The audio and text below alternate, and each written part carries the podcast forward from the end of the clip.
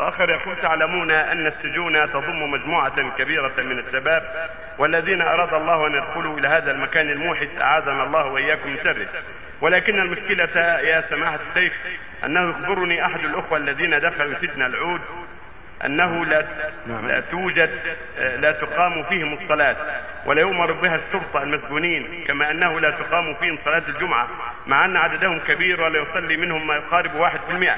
فالسؤال لماذا لماذا لا يؤمر بتعميم إلى جميع سجون المملكة من قبل وزاره الداخلية بالأمر إلى الصلاة ومعاقبة من لم يصلي إلى آخره؟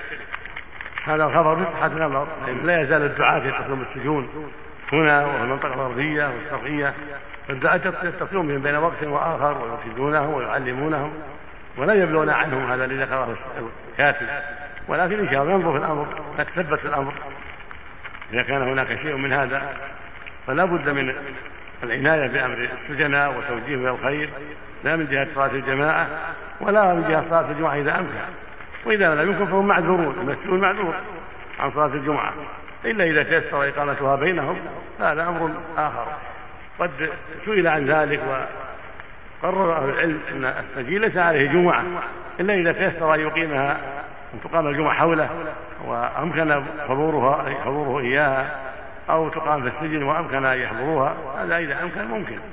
لكن كثير السجناء لا يمكن حضوره لأنه في محل خاص ويخاف من تنقلهم شر أو هروب.